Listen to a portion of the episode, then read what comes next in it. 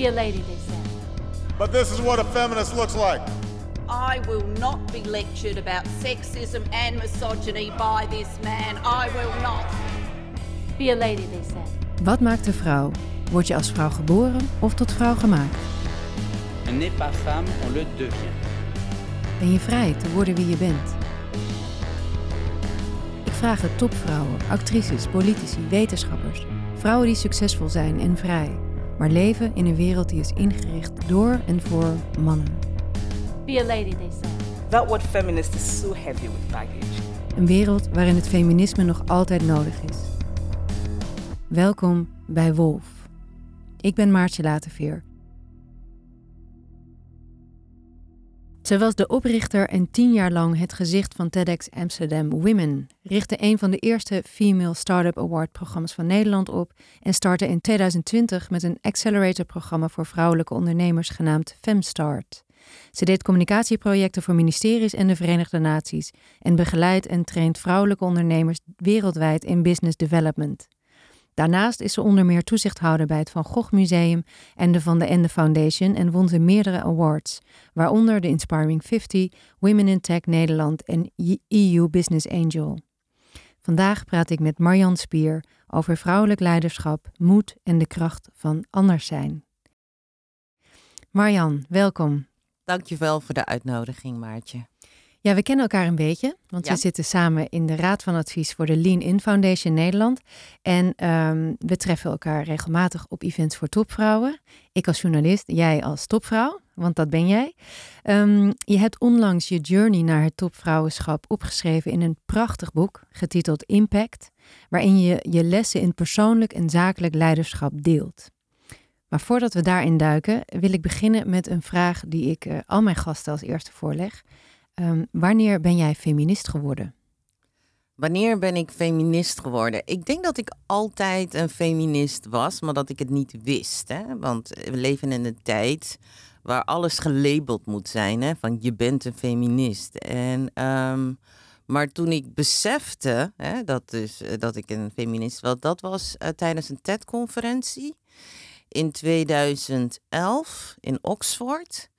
En daar ontmoette ik eh, Cheryl Dunn, van Have, de schrijfster van Have the Sky. Het gaat over gelijkheid, eh, vrouwen. En, en hoofdredacteur van eh, Yemeni Times, een vrouw. En, en ze hadden het allemaal over hoe ongelijk het is, met name de rechten van vrouwen wereldwijd. En dat in geen enkel land het gelijk is. En ik besefte mij dat niet. Hè? Ik dacht, nou, ik heb een goede baan. Ik werkte toen bij de Hogeschool van Amsterdam. En toen zei ze daarover, en, en toen hadden ze het erover van wie is een feminist? En ik denk, ja, ben ik een feminist? Oh, dat- ja, als je gelijke rechten wil voor vrouwen, dan ben je een feminist. Toen dacht ik, ja, ik ben een feminist. Dus dan is het een soort label, maar ik was het altijd. En je was altijd al voor gelijke rechten. Eh, Altijd. Besefte jij toen ook dat die rechten nog niet gelijk zijn voor vrouwen? Ja, maar eh, de, in het Engels zeggen ze de scale. Hè? Dus eh, dat het eh, zo extreem was en dat, dat in Nederland het ook zo groot was, dat besef had ik niet. En dat kwam doordat ik toen met die TEDx Amsterdam Women Events begon. En in 2010. En ehm, ik merkte dat heel veel vrouwen eh, zeiden van, oh wauw, ik heb nog nooit zo'n verhaal gehoord. Nederlandse vrouwen, hè. Ik nodigde toen heel veel internationale sprekers uit. En oh, ik ga echt voor mijn eh, promotie. Hè, dat, dat ik dacht, eh, doe je dat niet? Weet je, dus ik, ik, Mhm. had, ik had niet door dat er zoveel vrouwen eigenlijk zich benadeeld voelden. En zoveel, dat er zoveel ongelijkheid was. Dus dat kwam eigenlijk door TEDx Amsterdam Women, dat je dat, dat, je dat ontdekte. de, het besef, eh, dus de ongelijkheid, besefte Ja. ik dus echt. En hoe groot het was in Nederland, besefte ik door de TEDx Amsterdam Women Events, ja. En toen was jij zelf al begin 30, toch? Ongeveer? Nou, nee, dan was ik eh Of- 40. Was je al 40? Ja, Dus ja. Tot die tijd laat. had je geen idee. Nou, dat- niet hoe groot het was. Ja, Mhm. je kent wel verhalen. En ik had een goede baan. Ik heb altijd redelijk goede banen gehad. Dus Ja. Mijn collega's, je leeft toch in een bubbel. Daar heb ik een keer ook over gesproken. Van, ja, dat je denkt van dat er geen ongelijkheid is hè, in Nederland. Omdat je toch in een bubbel leeft. Eh, en het moment dat je uit die bubbel stapt, dan zie je wat om je heen wat er gebeurt. En jij moet je ook voor openstellen om het te kunnen zien, Ja. natuurlijk. Ehm, ik wil straks nog even terugkomen op wat dan de grootste strijd is die het feminisme nog moet leveren. eh, en waar vrouwen dan tegenaan lopen. Maar eerst wil ik heel graag weten wat het voor jou betekent eigenlijk om vrouw te zijn. Wat is dat? Ik ben blij dat ik een vrouw ben. Ik heb me, ik heb me nooit. Ik, ik, ik, ik heb mensen die, die, die daarmee worstelen. Ik heb dat gevoel nooit gehad. Dus ik wist gewoon dat ik een vrouw. Ik weet het, ik wist het. Hè? Ik ben ook opgevoed hè, door mijn moeder. Van je bent een vrouw en dit betekent het. Maar ik ben, ik ben, moet zeggen, nu zouden ze zeggen. Ik ben genderneutraal opgevoed. Dus ik ben niet opgevoed met het idee van je bent een vrouw, dus dan moet je dat doen. Hè? Dus mijn broer moest ook kunnen koken en eh, eh, eh, huis schoonmaken en alles. Omdat mijn moeder zei, ja, je weet nooit hoe het leven gaat. Hè? En ik moest ook alles kunnen. Ik bedoel, met z'n groeven draaien, rondlopen, dingen kunnen klussen en oplossen. Dat kan ik ook allemaal in huis. Dus, maar ik weet, ik voel me vrouw. Ja, ik vind het heerlijk om vrouw te zijn. ik vind het niet erg. Dat is goed te horen. Hey, en, en nu is er binnen het feminisme is een belangrijke nieuwe tak. En die heet het intersectioneel feminisme. Dat is een type feminisme dat niet alleen rekening houdt met gender, maar ook met ras en klasse. Eh, jij bent een zwarte vrouw. Hoe kijk jij daar tegenaan, tegen dat intersectionele feminisme?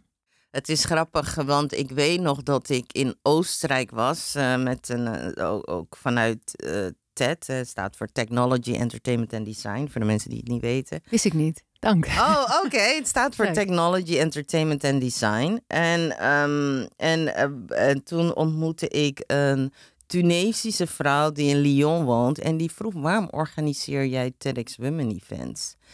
En ik had heel verhaal, gelijkheid en boardroom, bla bla bla. En toen zei ze, nou, mijn moeder... En dit was een, is een heel hoogopgeleide zei, mijn moeder is schoonmaakster in Lyon. En haar feminisme is niet het feminisme van haar, eh, van haar baas. Dus voor welk feminisme ga jij? En toen dacht ik, oh wauw. En dit was in 2012, toen er nog geen gesprekken waren over. En toen, eh, en toen zei ik, ja, daar heb je gelijk in. Ja, dat is ook weer een ander soort feminisme. Hè? Daar hebben we Ja. het over klasse en natuurlijk ook over ras. Ik merk dat eh, in Nederland heel erg de nadruk wordt gelegd op het eh, boardroom feminisme. En, eh, en dat is goed, hè? want ik, het, vanuit de top kan je verandering aanbrengen. Maar het is ook belangrijk om na te denken over de vrouwen die het nauwelijks redden, hè, financieel. En eh, de vrouw van kleur die ook nauwelijks in de boardroom terechtkomen. Dat vertel ik ook in mijn eh, verhaal. Ehm, en het is goed dat daar nu aandacht aan besteed wordt. Eh, ik heb net deze week heb ik ehm, een Britse hoogleraar geïnterviewd, Amia Srinivasan. Zij heeft een boek geschreven, Het Recht op Seks. Zij is een Indiaanse vrouw en zij haalt hierin ook het inter- intersectioneel feminisme aan. En zij, zij zegt dat eh, ehm, in tegenstelling tot het populaire eh, gedachtegoed hierover, namelijk dat het gewoon een type is dat, dat ook rekening houdt met ras en klasse, zegt zij nee, het is een, echt een ander, andere vorm van feminisme waarin eh, witte feministen zien dat zij op een bepaalde manier ook eh, zwarte vrouwen, vrouwen van kleur onderdrukken omdat zij de heersende klasse zijn. En ze zegt, als je, als je alleen maar naar het boardroom feminisme kijkt, dan vlak je helemaal uit dat eh, zwarte vrouwen altijd al hebben gewerkt. Maar dan in hele lage, eh, eh, slecht betaalde banen. Heb jij het idee dat, dat, dat daar iets in zit? En kunnen witte feministen, zoals ik, kunnen, kunnen wij iets anders doen of iets beters doen in jouw ogen? Nou ja, in iedere, in iedere eh, industrie heb je, of, of sector heb je gatekeepers. Hè? En eh, de gatekeepers heb je de witte mannen, de witte oude mannen, niet eens de jonge mannen. Maar de witte oude man boven de 50, hè? dus zijn de gatekeepers. En zo heb je ook de witte eh, eh, vrouwen die gatekeepers zijn. Hè? Die eh, dus ook die, die deuren kunnen openen voor, voor, voor vrouwen van kleur. Ehm, ik heb in meer dan 20 landen projecten gedaan. Ben naar 44 landen geweest. Want ik heb door corona ben ik erachter gekomen dat ik dat heb gedaan. Want ja, het tijd genoeg om daarover na te denken. En daar merkte ik eh, dat dus in ehm, wanneer, wanneer, er, eh, wanneer er het gesprek niet gaat over kleur, dat er makkelijker deuren worden geopend voor vrouwen door vrouwen. En het moment dat het etnisch is, dan, dan merk je, en dat, eh, dat maakt niet uit of het wit-zwart, maar dat kan ook eh, allerlei andere rassen, dan zie je dat er opeens gatekeepers opstaan om die deuren dicht te houden voor, voor een andere etnische groep. En als we het over Nederland hebben, dan hebben we het over een witte vrouw ten opzichte van een vrouw van kleur. Ja, dus, dus dan treedt eigenlijk hetzelfde mechanisme op als de witte oude man die de deur dicht houdt voor een, voor een vrouw. Absoluut. Dus op het moment dat er een andere groep bij komt of een andere eh, eh, diversiteitsverschil zich, op, op, eh, zich voordoet, dan gaat er een deur dicht. Als we die niet bewust open doen. Als we die niet bewust, als we er niet bewust van zijn dat we die deur open moeten doen. Omdat je je dan begeeft en, en je zorgt er ook voor dat je kring bestaat uit mensen die je kent. Hè? Die bekend zijn bij jou. Dus je eigenlijk vaak eh, als ik ook in, in een boardroom settings ben, dan besef je ook gewoon dat mensen niet eens doorhebben dat ze de deur sluiten. Ja. Hey, in je boek schrijf je inderdaad over hoe het is om als eh, eh, zwarte vrouw, eerste donkere persoon schrijf je in een zakelijke omgeving je te begeven. Eh, hoe was dat voor jou en hoe reageerden ook de mensen om jou heen daarop? Nou ja, het is heel veel jaar geleden. dus ik moet zeggen, toen ik net begon, had ik daar absoluut, was niemand daarmee bezig. Ehm, nee. We hebben het nu Eh, over de jaren negentig. Jaren negentig, ja, ja, ja. Dan, ehm, ja, je werd gewoon aangenomen omdat je die, die diploma's of die kennis had. Ehm, zo heb ik het ervaren, persoonlijk. Misschien waren andere mensen daarmee bezig, maar ik was niet met hen bezig. Je had niet het gevoel dat je ge- gemarginaliseerd werd als. Nee, maar dan ben je op een mediorfunctie. En het moment, dat, eh, het begon pas toen ik een managementfunctie kreeg. Dan ben je er veel Dan zie je dat er veel, dat je veel, eh, veel meer aangevallen wordt op wie je bent. Eh, en dat wordt dan niet gezegd dat het met je kleur te maken heeft, maar met je persoonlijkheid. En ehm, pas later kwam ik erachter dat dat. En ik, ik dacht eerst dat het met mijn persoonlijkheid te maken had. Maar later kwam ik erachter dat het, dat het ja, gewoon vaak racistisch was. Ehm, en dat is pas achteraf dat ik dacht, oh, eigenlijk, weet je. En, eh, maar Mhm. op dat moment was ik zo druk bezig met mijn baan dat ik niet daarmee bezig was. Ik was nooit bezig met, oh, ik word gediscrimineerd. Misschien omdat ik niet in Nederland ben opgegroeid als kind. Dat kan. Dat, ik heb geen last gehad Mm. van, van institutioneel racisme tijdens mijn Nee, je bent opgegroeid in kindertijd. In ja, Suriname, ik ben geboren in Amsterdam, maar Ja. mijn ouders hebben bewust de keuze gemaakt om hun kinderen op te voeden in Suriname.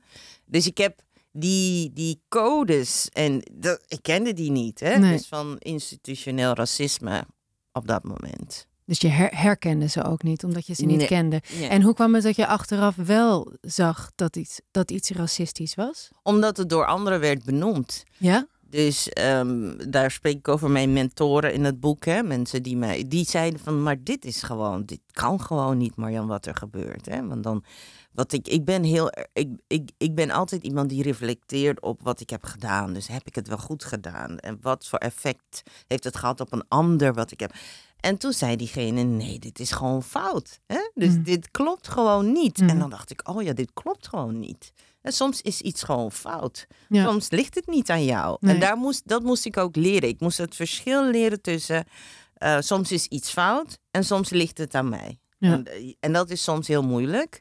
Eh, maar als je altijd heel negatief naar jezelf kijkt... Van, en dat heeft ook met opvoeding te maken. Want mijn moeder Mhm. altijd zei... Ja, maar misschien moet je eens naar jezelf kijken... voordat je iets uitspreekt. Ehm, daardoor was ik altijd bezig om de fout bij mezelf te zoeken, zodat ik mezelf kon corrigeren. Dat heeft me ook heel veel geholpen in mijn carrière, doordat ik ook daarin ben gegroeid. Ja. Want sommige fe- feedback was wel veel legitiem, en dus ja, dan, daardoor groeide ik ook. Maar je beschrijft eigenlijk een fenomeen waar heel veel vrouwen eh, in hun werkomgeving tegenaan lopen. Zeker op managementfuncties en daarboven, wordt de concurrentie natuurlijk heviger. Uh, vrouwen moeten zich volgens onderzoek dubbel zo hard bewijzen, uh, meer bewijzen dan mannen. Um, en gaan vaak denken dat het aan henzelf ligt, terwijl het eigenlijk ze worden uitgedaagd omdat ze vrouw zijn. Um, jij schrijft ook dat je uh, een van jouw mentoren op een dag heeft gezegd, maar dat is juist je kracht. Jouw anders zijn is jouw kracht, want jij bent de enige zwarte vrouw in een omgeving vol witte mannen. Hoe heb jij geleerd dat als kracht in te zetten? Ja, door altijd en uh, door altijd, altijd een stap voor, iedereen een stap voor te zijn. en dat betekent dat je veel onderzoek moet doen in, in je werk, terwijl je aan het werk bent. Hè? Dus veel onderzoek op het uh, ervoor zorgen dat je iets kan wat een ander niet kan. Hè? Dat deed ik altijd. Dus al, stel je voor, we hebben, ik was, werkte toen als communicatieadviseur.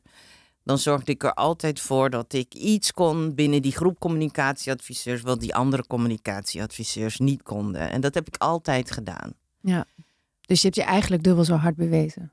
Altijd. Ja.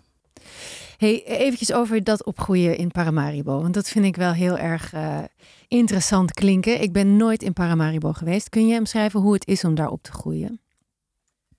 Um, toen heel onbezorgd. Maar ik, heb, uh, ik was tien toen de revolutie kwam. Dus je hebt ook een tijd waar het heel spannend uh, is, uh, is geweest.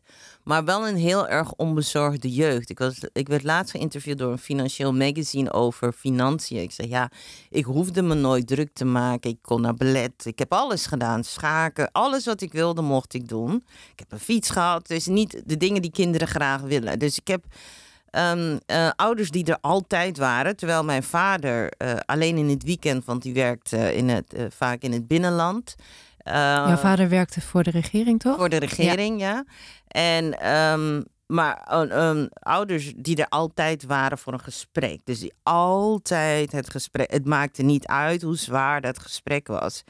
Um, en dan zaten we aan tafel. Ik was laatst ook weer een maandje bij mijn moeder. En dan dacht ik, oh ja, mijn moeder, mijn ouders houden van om aan tafel te zitten. En dan moet alles aan tafel besproken worden.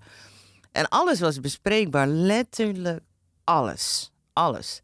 Um, maar ook een jeugd waar iedereen welkom was. Dus um, Suriname bestaat uit zes uh, etnische groepen, kan je zeggen. Dus blank, geel, bruin, zwart. Dus Indonesische achtergrond, Hindoestaans, Indiaanse achtergrond. Maar ook, uh, dan noemen ze de Nederlandse boeren, uh, Libanees, Chinees.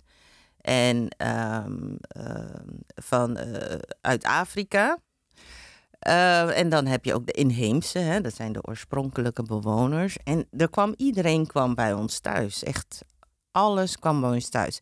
Waardoor ik ook heel veel wist van af, afwist van andere culturen. Ik wist af van de, een, mijn, vader had uh, Mohammedanen als uh, hele ja, goede vrienden. Of ik ben een keer in de Mandir geweest. Dat is een, een Hindoe-tempel. Gewoon om, ja, alles heb ik meegemaakt. En, en dat maakt je zo rijk als, als mens. En ook leer je dat uh, iedereen, dat je iedereen gewoon moet respecteren voor wie ze zijn. Dus niet kijken naar, oké, maar dit is anders, dus het is niks. Nee, die persoon doet het op die manier en die vindt dat belangrijk. Wat een waardevolle les om al jong te krijgen. Zeker, achteraf ja.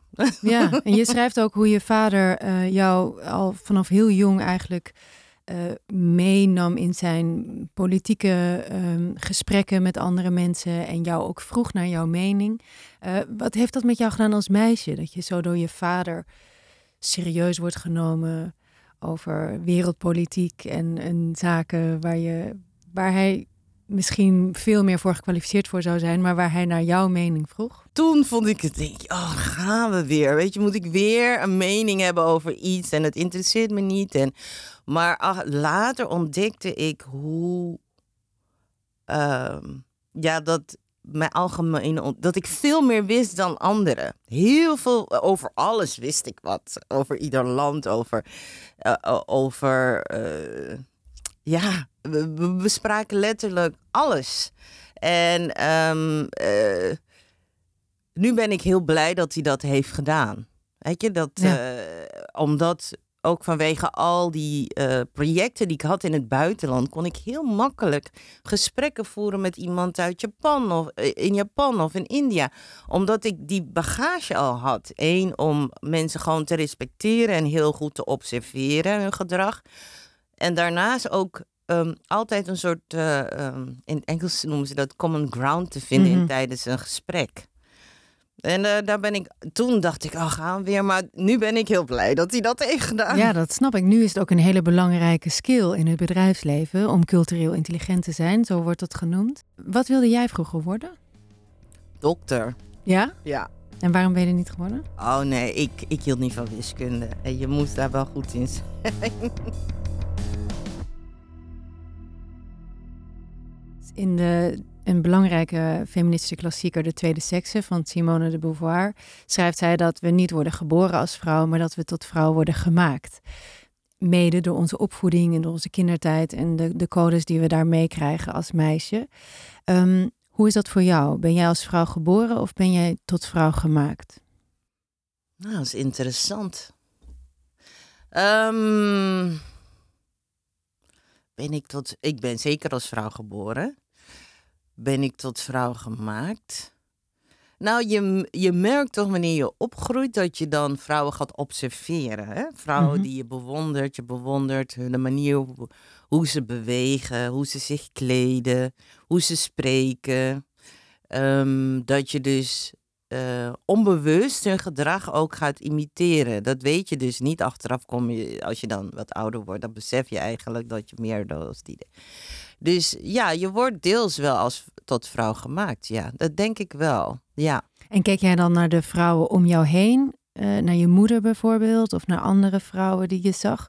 Of waren het meer vrouwen zoals Madonna, waar je, waar je de Ja, kunst meer de vrouwen die ik zag. Ja. Eh, mijn moeder, eh, heel veel. veel mensen, als ik al de telefoon opneem, denken mensen dat mijn moeder is. En mijn moeder is heel scherp, veel scherp, analytisch veel scherper dan ik. Dus die, die, die zegt dan iets, denk ik, oh ja, daar heb ik niet over nagedacht. Ehm, maar ook eh, zakenvrouwen die ik heb leren kennen. Dus Mhm. dan, eh, ik ben iemand, ik op, eh, als iemand heel erg goed is in iets, dan, dan ga ik diegene bevragen. Mhm. Dat heb ik ook in, in het boek. Hè? Dan, dan wil ik gewoon weten, maar hoe komt het dan dat jij zo ver bent gekomen? En wat kan ik hiervan leren? ja, je voert in je boek ook een aantal vrouwen op, hè? Die, eh, die eigenlijk, je vertelt hun verhaal in jouw boek, waarin je jouw verhaal vertelt. Eh, is dat omdat hun verhaal ook belangrijk is voor het jouwe? Hebben zij jou gevormd in zeker opzicht? Sommige wel, sommige niet. Sommige heb ik ontmoet. En die ontmoetingen vond ik zo speciaal. Want het, was, het leek alsof het hele toevallige ontmoetingen waren. Maar het waren geen toevallige ontmoetingen. Het heeft toch. Uh, zij hebben mij vaak mijn ogen ook geopend over bepaalde zaken. Daar heb ik over Chimamanda. Hè? Dat, uh, toen, uh, toen ik haar ontmoette. Ik was daar toen ze haar, haar verhaal dus hield. Chimamanda Ngozi Adichie, de schrijfster van uh, Every, iedereen moet een feminist zijn. Ja, maar ik ken haar meer van de Single Story, haar Mhm. eerste TED-talk. Daar Mhm. was ik uh, bij. En ja, dat heeft zo mijn ogen geopend. Ook over, uh, niet eens uh, over haar verhaal, maar over wat het betekent om een zwarte vrouw te zijn. Ja. Um, en, en, en, en dat geldt ook voor Simone Sanders. Die, die was uh, persofficier van Bernie Sanders en later van uh, Bill, uh, Joe Biden. Jonge vrouw. Zij is nu van Kamala Harris, toch? De... Ja, en nu is ze gestopt en werkt ze als bij NBC, heeft ze haar eigen programma. Hmm. Um, maar ook zo'n vrouw die ik toevallig ontmoette terwijl ik in Washington een opdracht had en wij een gesprek begonnen. Meteen een soort vriendschappelijk. En mij ook uh, goed niet nadenken over mijn zwart zijn, wat het betekent om een zwarte vrouw te zijn en hoe je je kan ontworstelen uit bepaalde situaties waarvan je denkt dat hoort zo. Mm-hmm. En dat, uh, ja, daar, daarom wilde ik het ook over die vrouw hebben. Ja, mooi. Hey, um, als jonge vrouw ging jij uit Paramaribo naar Nederland om te studeren. Het was uh, 1991, je was net 21 en kwam met 100 gulden op zak en een koffer vol zomerkleren aan op Schiphol. En je schrijft heel mooi in je boek hoe je ging aanpassen aan je nieuwe omgeving, waarin je ineens een ander was, namelijk een Surinaamse. En je noemt het codeswitchen wat je deed. Kun je uitleggen wat dat is? Nou, coach, ik heb het over twee dingen in het boek. Ik heb het over shiften en code switchen. Maar ik zal het hebben over code switchen. Code switchen is dat je je eigenlijk een bepaalde, de, de bepaalde codes en een bepaalde manier van doen, de culturen en gedragen van een bepaald land of een bepaalde groep overneemt. Mhm. Ehm, en dan begint het al bij wat je drinkt 's ochtends of eh, hoe je de deur open doet. Eh, het, het is heel erg onbewust. Eh, vaak neem je dat over. Later, wanneer je er beseft dat je dat aan het doen bent, dan probeer je ook ja, dat los te laten. Maar soms moet je dat gewoon doen. Ehm, is het helder wat ik zo? Ja, zeker. En, en, en wat, wat je. En als we het hebben over dit onderwerp, de- dan is het vaak dat je, je kan code switchen, eh, dat je je heel masculien gaat gedragen tijdens vergaderingen, terwijl je dat helemaal niet bent. hè? Mhm. Of ehm, eh, je accent gaat eh, aanpassen. Eh, Mhm. Daar heb- ben ik een aantal keer over geïnterviewd. In de kranten hebben ze het alleen maar daarover gehad. En toen zei ik, ja, die jonge man uit Groningen, die doet ook aan code switching. Hè? Die, die probeert ook eh, zijn accent aan te passen. Het moment dat hij in Amsterdam komt wonen. Eh, maar ook de kleding die je draagt. Hè? Dus dat je, eh, het kan zijn dat je heerlijk voelt in een, in een joggingpak, maar eigenlijk iedere dag in een mantelpakje naar je werk moet. En op een gegeven moment alleen maar zo rondloopt, zelfs tussen je vrienden, dat ze denken van waar ben jij nou mee bezig? Iedereen kent zo'n vriend of vriendin die zich helemaal anders is gaan gedragen nadat hij een bepaalde baan kreeg. Dan is diegene aan het code switchen, want die wil zich eh, die wil ehm, zich conformeren aan de codes van een bepaalde groep. Ja, je past je aan aan de dominante norm eigenlijk. Klopt. En nu is dat in zekere opzicht natuurlijk heel normaal. Als je op de Zuidas werkt, dan trek je meestal niet je joggingbroek aan. Maar in jouw geval schreef je ook dat je als zwarte vrouw in Nederland toch wel extra je best moet doen. Is dat nog steeds zo? Heb je nog steeds het gevoel dat je toch als zwarte vrouw op je tellen moet passen? Absoluut. 100% Dat is altijd. Dat is iets wat.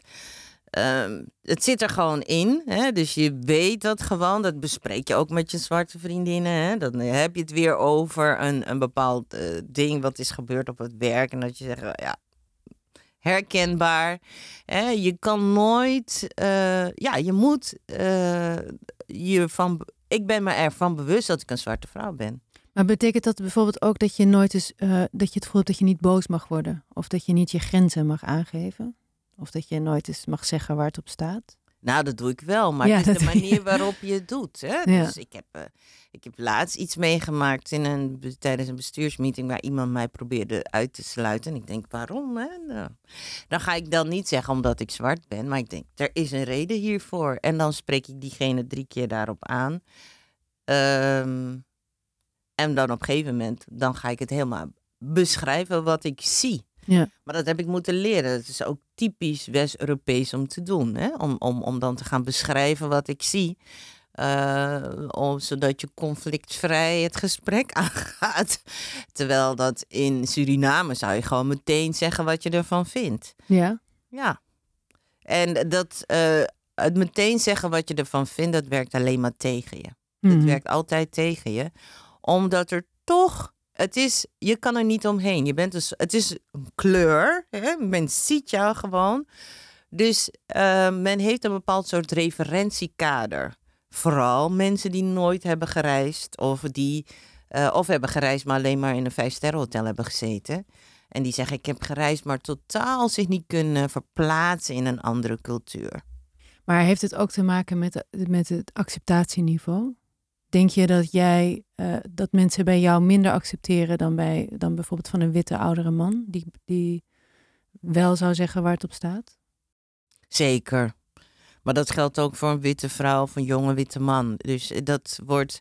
ehm, dat heb ik, heb ik heel vaak gezien om mij heen. Ja. Ehm, ik weet nog dat ik eh, toen ik veel jonger was, zei ik alles wat ik dacht. En nou, dat, daar heb ik alleen maar last van gehad in mijn carrière. Dus ik wist gewoon, oké, ik moet wel alles zeggen wat ik, wat ik denk en wat ik vind.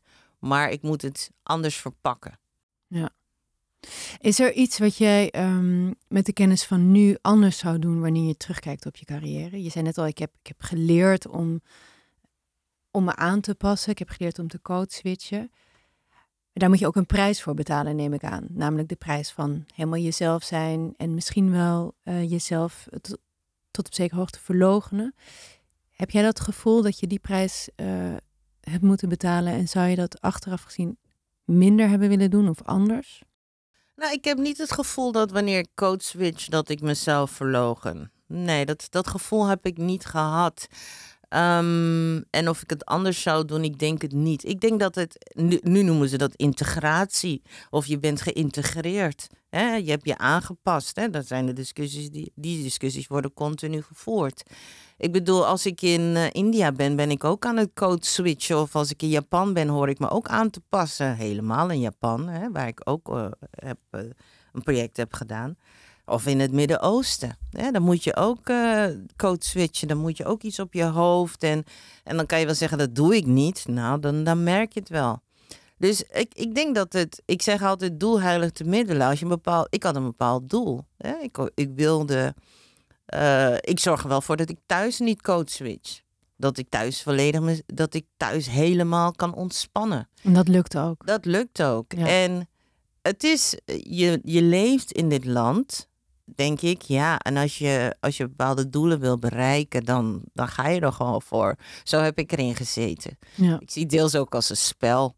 Ik, ik weet nog dat toen wij hier net kwamen te, met vriendinnen om te studeren, dat was in 91. En toen hebben we gezegd, nou weet je wat, we gaan gewoon een studie maken van dit land. We gaan de mensen bestuderen en we gaan het maken. Nou, de vriendinnen zijn weer teruggegaan naar Suriname. Die hebben een heerlijke tijd nu daar. En ik ben gebleven. Maar ik heb me daar gehouden. Ja. ja. Zou jij nog terug willen naar Suriname? Ja, ik denk wanneer ik gepensioneerd ben. Oh, dat is gelukkig nog heel lang. Hey, um, je wordt heel vaak uitgenodigd om te praten over vrouwelijk leiderschap. Uh, een thema dat ook erg uh, um, op de voorgrond staat in je, in je boek. En wat ook erg uh, speelt binnen het bedrijfsleven op dit moment. En de, ontwikkelingen in de wereld, zoals uh, klimaatverandering en toenemende diversiteit, vragen om een nieuw soort leiderschap. En uh, daarbij worden soft skills, zoals empathie en compassie, uh, die verdringen een beetje de zogenoemde hard skills van hun eerste plaats. Veel mensen komen dan uit bij vrouwelijk leiderschap, omdat vrouwen van nature beter zouden zijn in die soft skills. Hoe kijk jij daar tegenaan als vrouwelijk leider zelf? bestaat er zoiets als vrouwelijk leiderschap?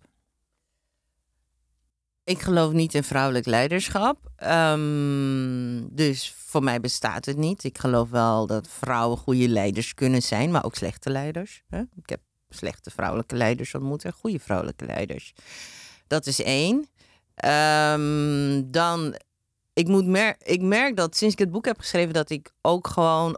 Die, ik word niet meer gevraagd om over vrouwelijk leiderschap te praten, maar over leiderschap. En dat wilde ik ook met dit, doel, met dit boek bereiken, omdat ik dacht ja, dat is zo, weet je, um, het is zo beperkt om te denken dat vrouwen het allemaal veel beter kunnen doen. Dat is gewoon niet zo. Je hebt beide nodig. Je hebt mannen en vrouwen nodig om, om doelen te bereiken. En die vraag over soft skills en hard skills, wat, wat was dat? Nou, er is nu een enorme um, opmars eigenlijk van uh, zogenoemde soft skills. De mensen zeggen dat, je, dat, er, dat goed leiderschap nu eruit bestaat dat je ook empathisch bent en compassie hebt en uh, nederig bent. En veel mensen komen dan uit bij vrouwen, vrouwelijk leiderschap, omdat vrouwen dan van nature empathischer zouden zijn dan mannen. Nou, dat geloof ik niet. Ik heb heel veel vrouwelijke directeur gehad. Ik heb hele goede vrouwelijke directeur gehad, maar ook hele slechte. En wat, wat, wat ik heb gemerkt vaak bij vrouwen is dat ze meer vanuit een soort nature rol, van uh, ik moet zorgen als een moeder voor mijn team. En dan, dan denkt men dat het empathisch is. Maar dat is, vind ik niet uh, een, een, een, een, een goede leider. Ik vind dat niet. Uh, en dat heb ik heel vaak gezien. Hè? Dus dat Mhm.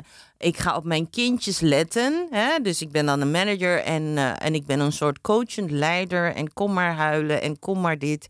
En ik, ik, ik, ik, ik um, en, maar vrouwelijke leiders die uh, dus ook technisch zijn en aan de andere kant wel luisteren en openstaan uh, voor feedback en uh, je goede feedback kunnen geven hoe je moet functioneren.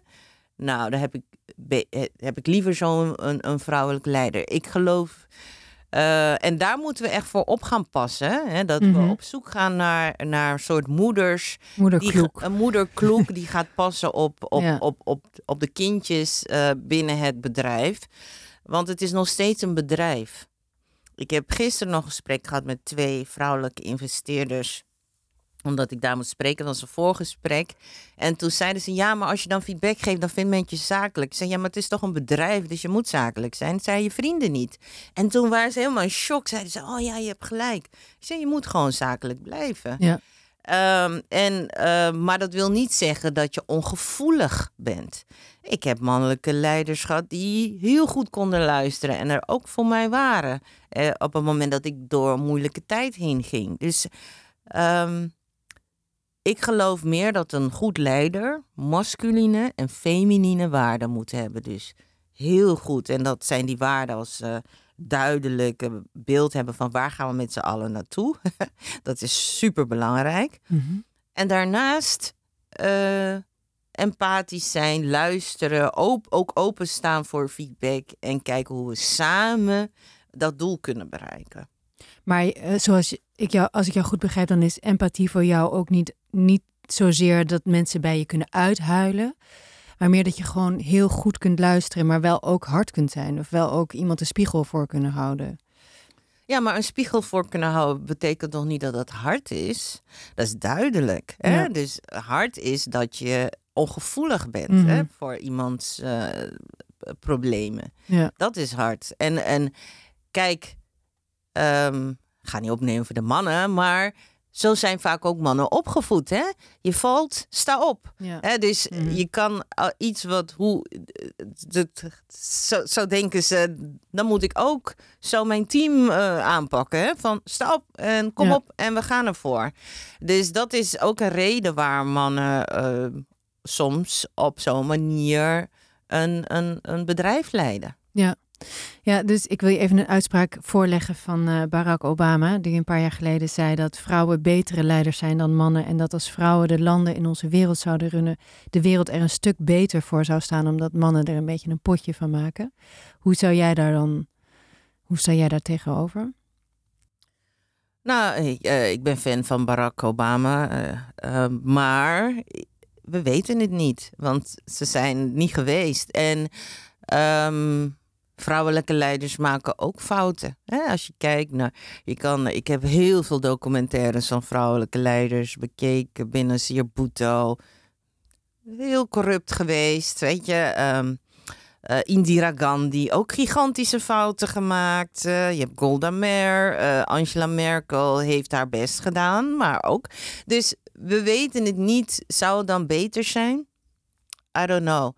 Ehm, het zou anders zijn.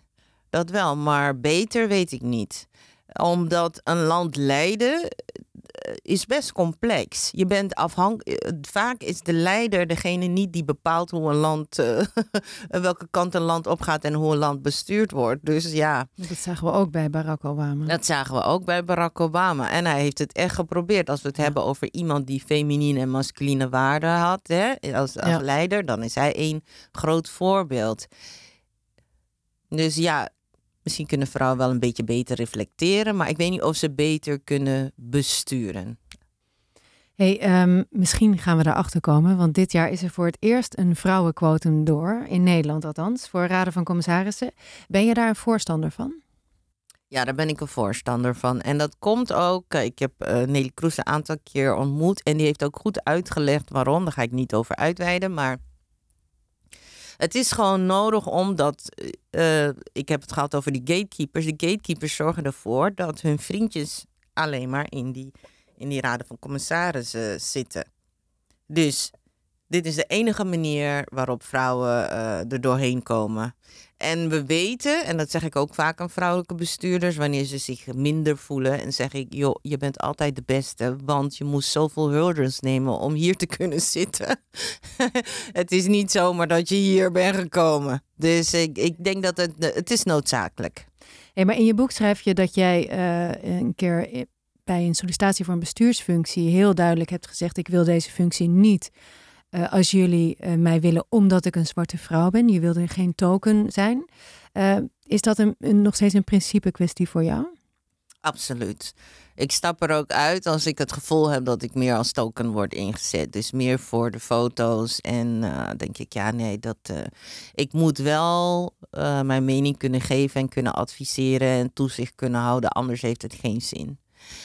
En hoe zou je dan reageren als je het gevoel hebt dat een raad van commissaris bijvoorbeeld jou vraagt omdat ze een vrouw nodig hebben voor het quotum?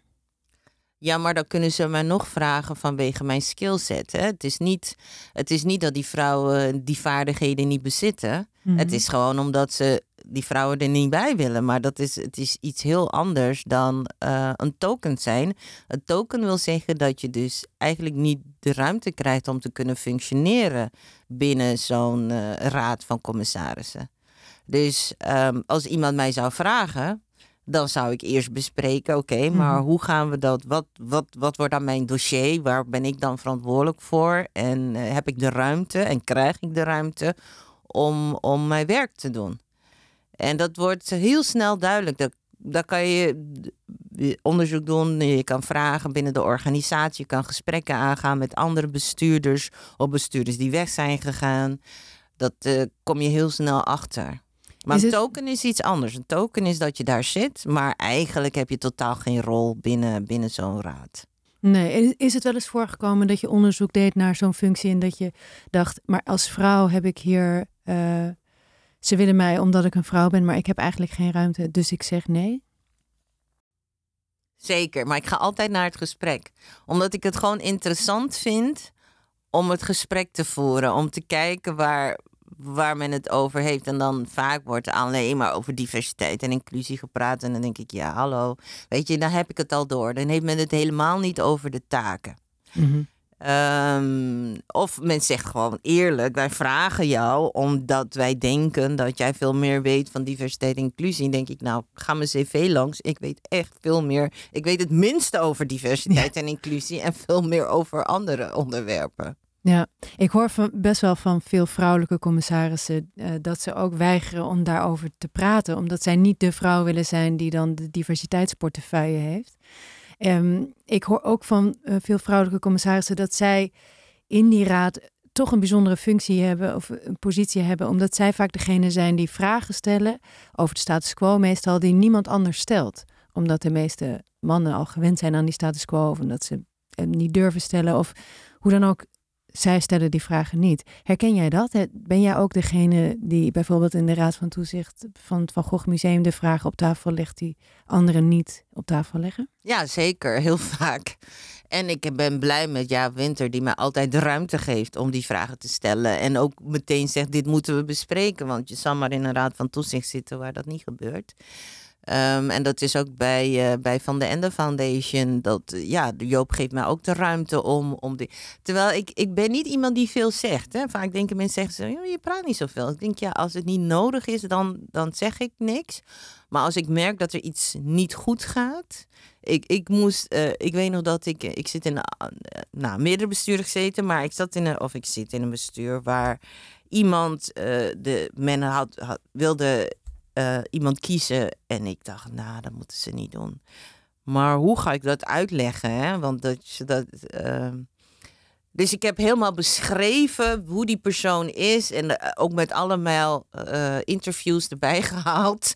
Om uit te leggen dat dat niet de juiste keuze was. En nu zie ik dat diegene in een soort eh seksschandaal is. En ik denk, nou, wat. Ik, ik voelde. En, en men luisterde ook. Zei ja, misschien heb je toch gelijk. Misschien moeten we het toch niet doen. Hè? Ik, ik zeg nou.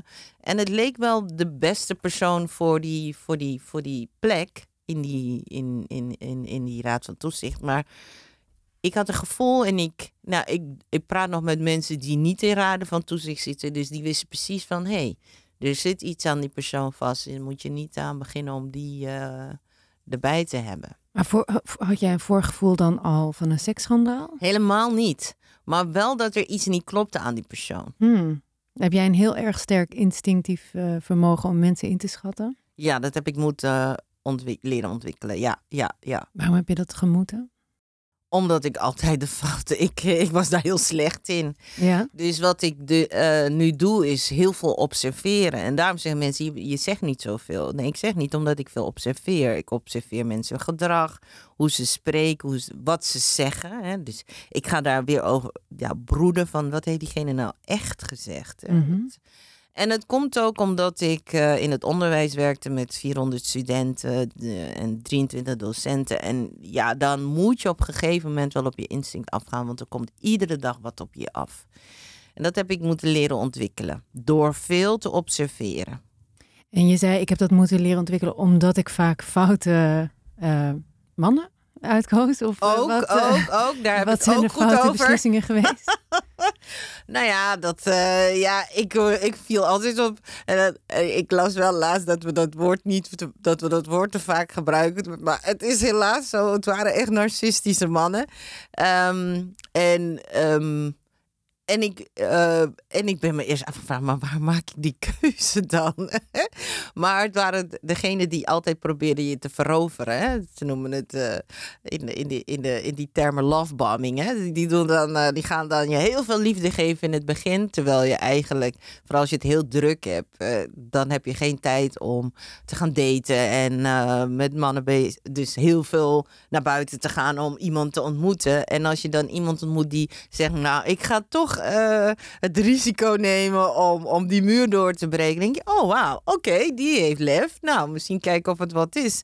Ben jij een vrouw die, die werk op de eerste plaats heeft staan en dan liefde ergens eh, onderaan? Nou ja, ik moet zeggen, de eerste 40 jaar was het 80% uitgaan, 20% werk. En op een gegeven moment heb ik een knop omgedraaid en dacht ik, nou, ik wil bepaalde doelen bereiken de komende 10 jaar. Dus dan, eh, ik was 38 toen ik dat deed, denk ik. Ja, 39. En, ehm, en toen ben ik me meer gaan focussen op mijn werk. En dat, dat stond los van een, van, een, van een man of een partner of, whatever. En daar, eh, maar ehm, ondanks de 80% uitgaan, was het echt uitgaan en niet daten. Omdat ik ook natuurlijk altijd zware banen had. Dus ik, ehm, als, je, als je aan het daten bent, moet je ook tijd vrijmaken voor een ander. En die tijd maakte ik niet vrij, omdat ik dacht, ja, maar dan moet ik weer, weet je, ehm, focussen. Dus, ehm, en ik heb er geen spijt van, absoluut niet. Ik weet nog dat iemand laatst zei, ja, maar als je dan eh, die par... Ik zei, nou, als ik, als ik hierin Eh, Wat zei investeer... iemand? Wat zei? Als je, als, als je investeert in een partner, dan kan het. En mijn ouders zijn gelukkig getrouwd geweest, dus ik heb geen trauma. Eh, mijn vader leeft niet meer, daarom zeg ik geweest. Ehm, en dan zei hij, als je investeert in een partner. Ik zei, nou, als ik investeer in mijn werk, weet ik, wat, weet ik zeker wat eruit komt. als ik investeer. En ik heb geïnvesteerd. Het is niet dat ik dat niet heb gedaan. Mm. En het was leuk. En, en dan, en dan, eh, ja, dan, dan eindigt het op niets uit. En ik, eh, ja, dan ben je dan verdrietig. Maar achteraf denk ik, ja, dat was wel mooi om toch ooit van iemand te hebben gehouden. Hè? Mhm. Dat is toch het mooiste wat er is. En ehm, dat zeg ik altijd aan mensen die dan eh, hele heftige liefdesverdriet hebben. Ik zeg, het doet nu pijn, maar achteraf, hè, daarna, eh, daarna ach- ga je denken, ja, dat was toch een mooie tijd geweest. Die niet weg is. Die niet weg is. Hè? Je Die schrijft mooie ook in je boek. momenten. Ja. Je schrijft ook zo mooi in je boek dat je heel veel fouten hebt gemaakt, maar dat je dat ook helemaal niet erg vindt, omdat je daardoor bent gegroeid en van fouten hebt geleerd. Zeker. Zie, zie je zo de liefdesrelatie in je leven ook? Je mooie afgeronde episodes waar, waarvan je hebt geleerd en bent gegroeid? En sommige ap- episodes zijn nooit afgerond. Mooi afgerond. Ehm, ik heb er wel van geleerd, ja. Ja, ja. ja, omdat ik van al die mannen wat heb geleerd. Van de een leerde ik hoe ik me meer open moest stellen. Ik was, eh, de ander leerde ik je meer zakelijk inzicht. Ehm, eh, en, dan, en dan neem je dat mee. Dus de heb positieve dingen, niet de negatieve dingen. En heb je wel eens van zo'n man eh, gehoord dat je, dat je werk op de eerste plaats zette en dat hij dat eigenlijk niet zo leuk vond? Nee, in het begin vinden ze allemaal heel leuk dat ik zo ambitieus ben. En dan, aan het, dan denken ze later van, ah, ja, weet je, laten we nu even... eh, maar ja, dan moet ik me focussen. Ik bedoel, dan moet die deadline af. Eh, maar het is nooit tegen me gebruikt. Nee. De, Mijn laatste vraag is eigenlijk een vraag ook die ik aan iedereen wil stellen. Ben jij geworden wie jij bent? Ik denk dat ik zelf meer ben geworden.